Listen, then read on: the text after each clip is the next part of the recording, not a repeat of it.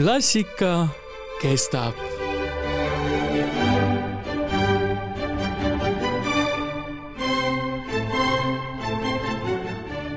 tere, hea Põltsamaa raadiokuulaja. kõlas signatuur saatele Klassika kestab. kas tundsite selle loo ära, mis on valitud klassikalist muusikat tutvustava sarja nimilooks? on see Mozart või Beethoven või siiski Bach? kas see on katkenud mõnest sümfooniast või kontserdist või on hoopis kuulsa ooperi avamäng?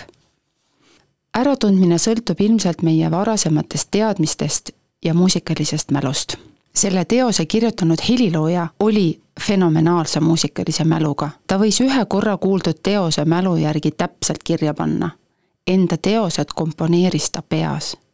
oma kirjades on ta korduvalt märkinud, et üks või teine lugu on tal juba valmis, aga pole veel kirja pandud lisaks teadis ta kindlalt, et see, mille ta kirja paneb, on geniaalne ja keegi teine ei oska nii kirjutada.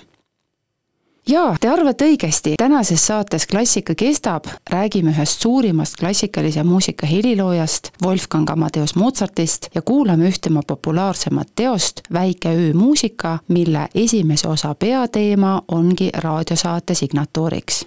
mina olen saatejuht Tuuli Jukk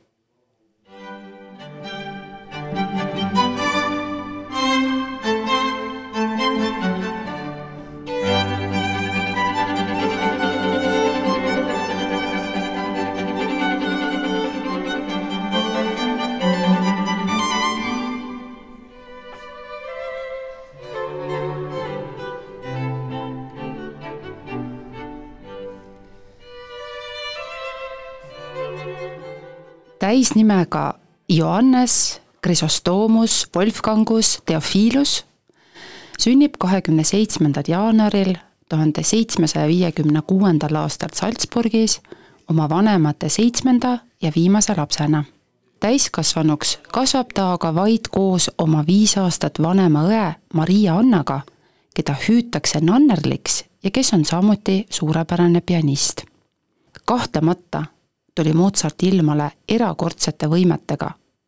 kuid sama erakordne oli ka keskkond, kuhu ta sündis. tema isa, Leopold Mozart, kuulus kaheksateistkümnenda sajandi keskel Kesk-Euroopa väljapaistvamate muusikute hulka. ta oli Salzburgi õukonna kapellmeister, tunnustatud helilooja ja mis kõige tähtsam, erakordne muusikapedagoog. kui meie lapsed peavad praegu koolivaheaega, mõni põnn ukerdab esimest korda kelgul või suuskadel, mõni vedeleb telefonis või arvutis ja mõne aja pärast algab jälle tavapärane lasteaia või koolielu, siis sellist lapsepõlve Mozartil muidugi polnud. Mozart ei käinudki tavamõistes koolis. laste koolihariduse võtsid vanemad täielikult endi õlule. mõelge mõne kolme- või nelja-aastase lapse peale, keda teate kuidas tema oma päeva mööda saadab, mida ta oskab, mida ta teeb, mille üle rõõmustab, mille üle kurvastab ja kui nüüd mõtleme Mozartile, siis selles vanuses väike Amadeus mängis klaverit ja kriipseldas üles oma esimese klaverikontserdi. viieaastaselt oskas lisaks mängida viiulit ja lugeda vabalt lehest nooti ning õppis juba ka orelit. Mozarti lapsepõlv paneb mõtlema sellele, et temas peidus olnud anne tuli väga varakult ilmsiks ja sai ka maksimaalselt välja arendatud õppimise ja harjutamise näol mis ongi ju inimese arengus oluline, leida see, milles sa oled hea ja andekas ning selles valdkonnas ennast arendada. kaheteistkümnenda eluaasta lõpuks oli Wolfgangil ja tema perel selja taga mitu ja mitmeid aastaid väldanud kontsertreise Pariisi, Londonisse, Viini, mitmetesse Saksamaa ja Itaalia linnadesse. selja taga oli tuhandeid kilomeetreid tõllas loksumist päikeselõõsas ja vihmasajus raskeid haigusi ja nendest paranemist. sadu tunde pilli harjutamist ja esinemisi õukondades. ja muidugi uute teoste komponeerimist. kui mõned aastad elatigi kodus Salzburgis, siis palju kontsertreise võeti ette hiljemgi. Mozarti hilisemaks elupaigaks sai aga Viin. nii erilise inimese ümber on kerge tekkima müütide uduloor, kuidas geeniuse elu ikka kulges mõistlik majandaja ta ilmsesti ei olnud. Mozarti sissetulekud sõltusid tööde tellimustest ja ametipositsioonist õukonnas. ta oli küll kuulsuse haripunktis, kuid kümmekond aastat enne oma surma Viinis elades ametlikku tunnustust ta ei saavutanud.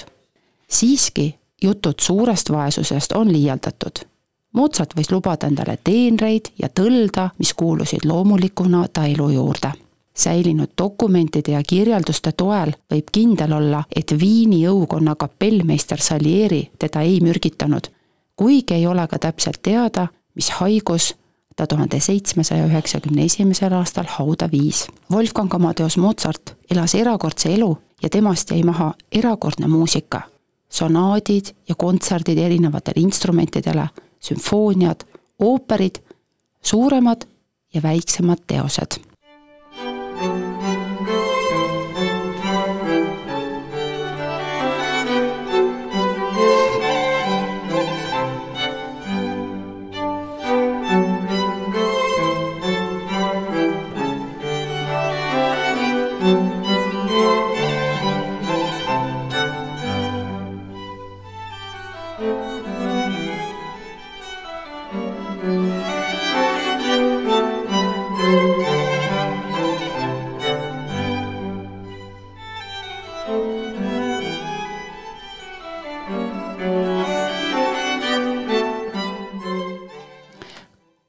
kaheksateistkümnendat sajandit, Mozarti elusajandit, kutsutakse muusika- ja kunstiajaloos klassitsismiks. see on justkui klassika süda. kui maname silme ette Tartu Ülikooli peahoone, mis on üks Eesti klassitsistliku arhitektuuri sümboleid, siis näeme vormi selgust ja puhtust. kuus sammast, sümmeetrilised aknad ja uksed. samad tunnused on ka muusikas klassitsismi ajastu muusikale on väga iseloomulik muusika selgus ja puhtus ning kirjutamine väga kindlates muusikalistes vormides. Mozarti teebki eriliseks see, kuidas ta küllaltki selge ja range ülesehitusega muusikaliste vormidega mängib, neis piire nihutab, vormilaiendusi teeb, rikastab, keerab harmooniat ootamatutesse suundadesse nii, et muusikalise vormi sisemine loogika muutub erinevaks proovime nüüd seda juttu illustreerida muusikalise näitega väikese öömuusika esimesest osast, mis on kirjutatud sonaat allegro vormis, mis on tüüpiline klassitsismi ajastu muusikale. sonaat allegro vormi ülesehituse aluseks on kaks vastandlikku teemat. hoogne jõuline peateema ja laulev kõrvalteema. teema on kõige olulisem muusikaline mõte, millele baseerub kogu järgnev teos muusika iseloomust tähtsamgi on teemade helistik erinevus. nüüd tuleb mängu see, miks õpitakse solfedžot, mis on toonika ja mis on dominant. Mozart teadis seda mängleva kergusega, aga tegelikult õppis ta seda kõike oma isa valvsa pilgu ja käe all, lihtsalt see kõik sai talle selgeks väga väikese lapsena. toonikahelistik on teose peahelistik, sellest helistikust algab teos ja siia pöördutakse nagu koju tagasi. peateema ongi toonikas, aga kõrvalteema libiseb dominanthelistikku, mis on viis nooti kõrgemal asuv helistik, edasiliikuva iseloomuga ja toob seeläbi muusikasse justkui uue pöörde. nüüd kuulame kõigepealt väike söömuusika esimese osa peateemat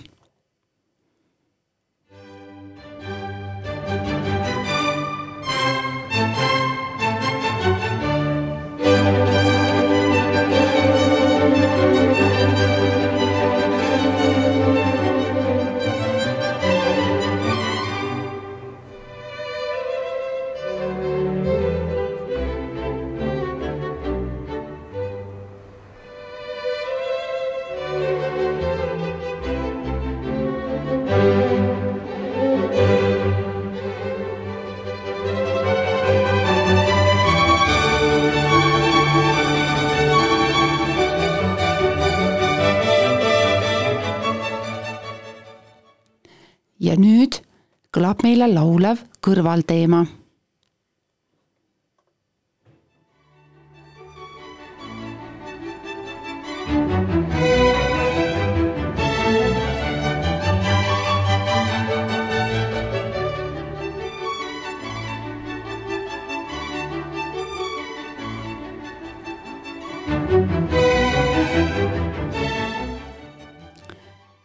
Pea- ja kõrvalteemasid esitatakse kaks korda. omavahel seob kahte teemat sidepartii ning lõpetab lõpupartii ja sellega saab ekspositsioon ka läbi ning algab töötlus. töötlus on Mozarti lõputu fantaasiamäng, kus just kõlanud muusikalised mõtted korduvad erinevates helistikes ja karakterites. väikeses öömuusikas on töötlus küllaltki lühike, kuulame seda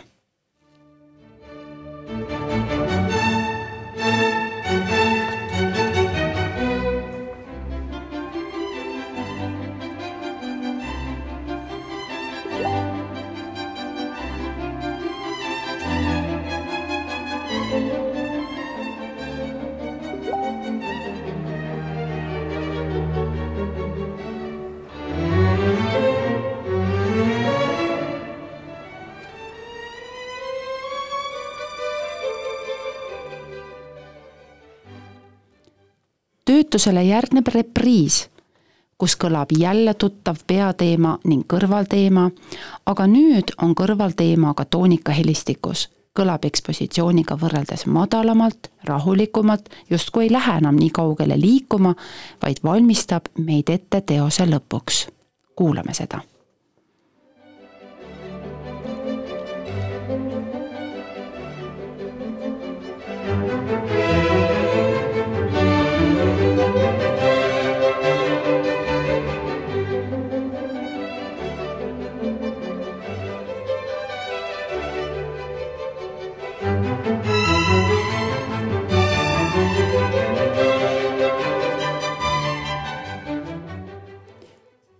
päris esimese osa lõpus teeb Mozart muusikas talle iseloomulikult muidugi uhke ja elegantse reveransi.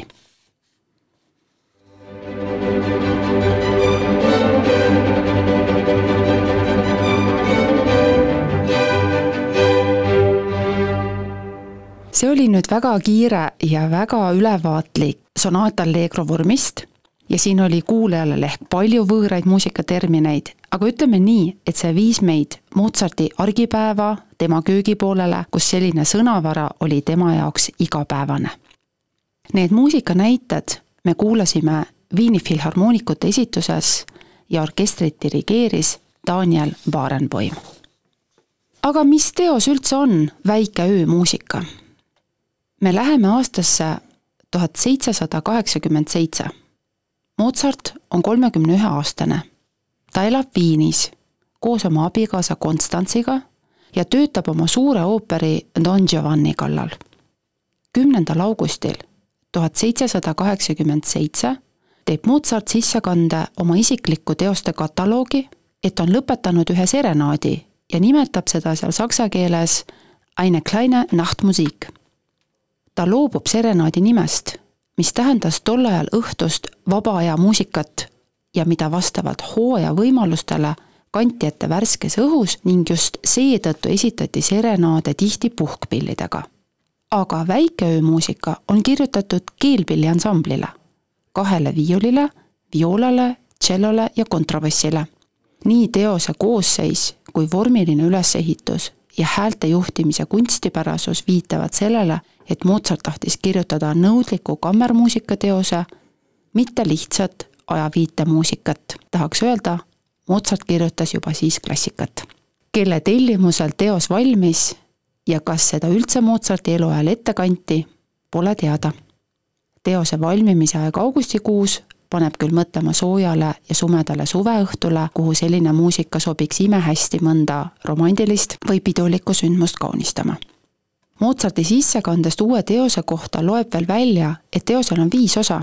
esimese osale järgneb kõigepealt veel üks menuett ja trio, aga seda pole säilinud.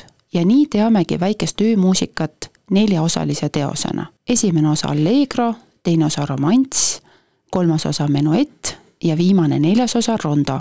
Eespool rääkisin juba, kui oluline on klassitsismi ajastu muusikas vorm ehk muusikateose ülesehitus seda tähtsust järgib Mozart kogu teose vältel. esimene osa on juba põhjalikumalt tutvustatud sonaat allegro vormis. teine ja neljas osa on kirjutatud rondo vormis, kus üks pidevalt korduv refrään vaheldub sellest muusikast erinevate salmidega. kolmas osa on ajastule iseloomulik tants, menuett, mis on tantsule kohases kolmneljandikku taktimõõdus ja lihtsas A-B-A vormis, kus kahe äärmise osa vahel on sellest erineva muusikaga keskmine osa. samuti jälgib Mozart, mis helistikus ta iga osa kirjutab, et kokkuvõttes tekiks kuulates ilus tervik.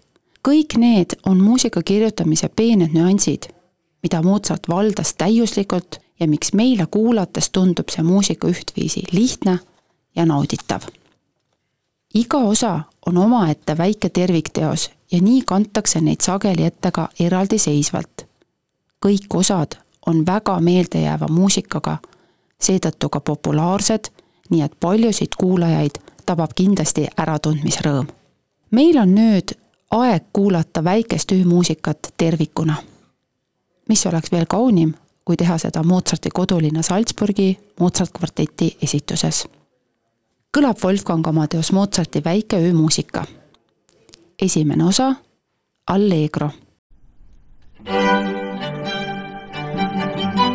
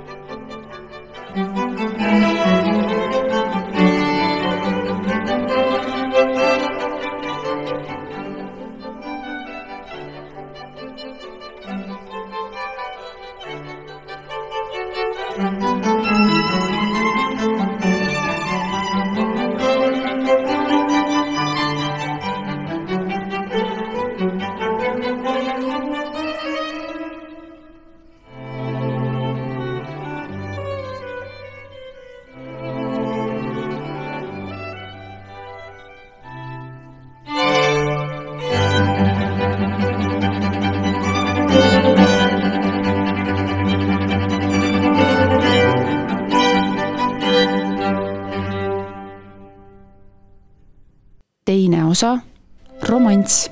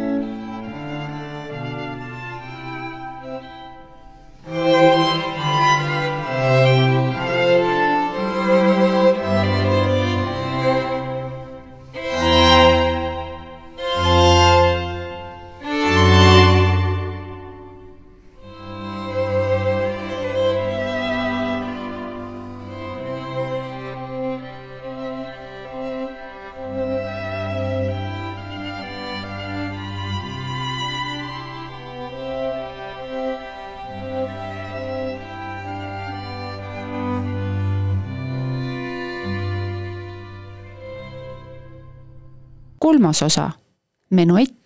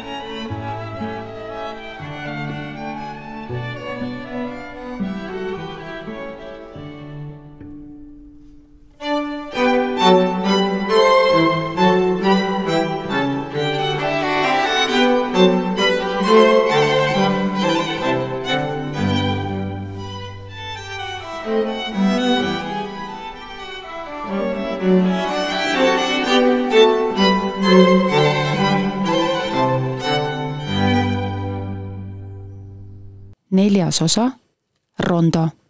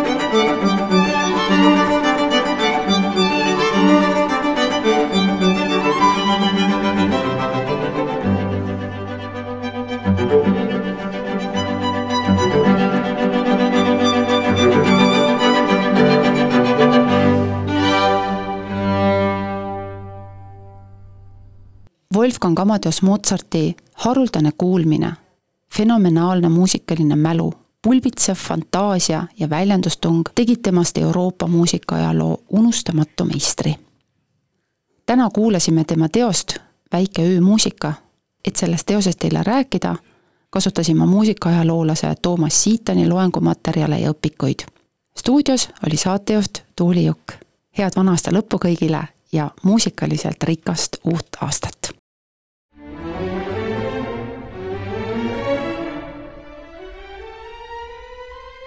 Klassika kestab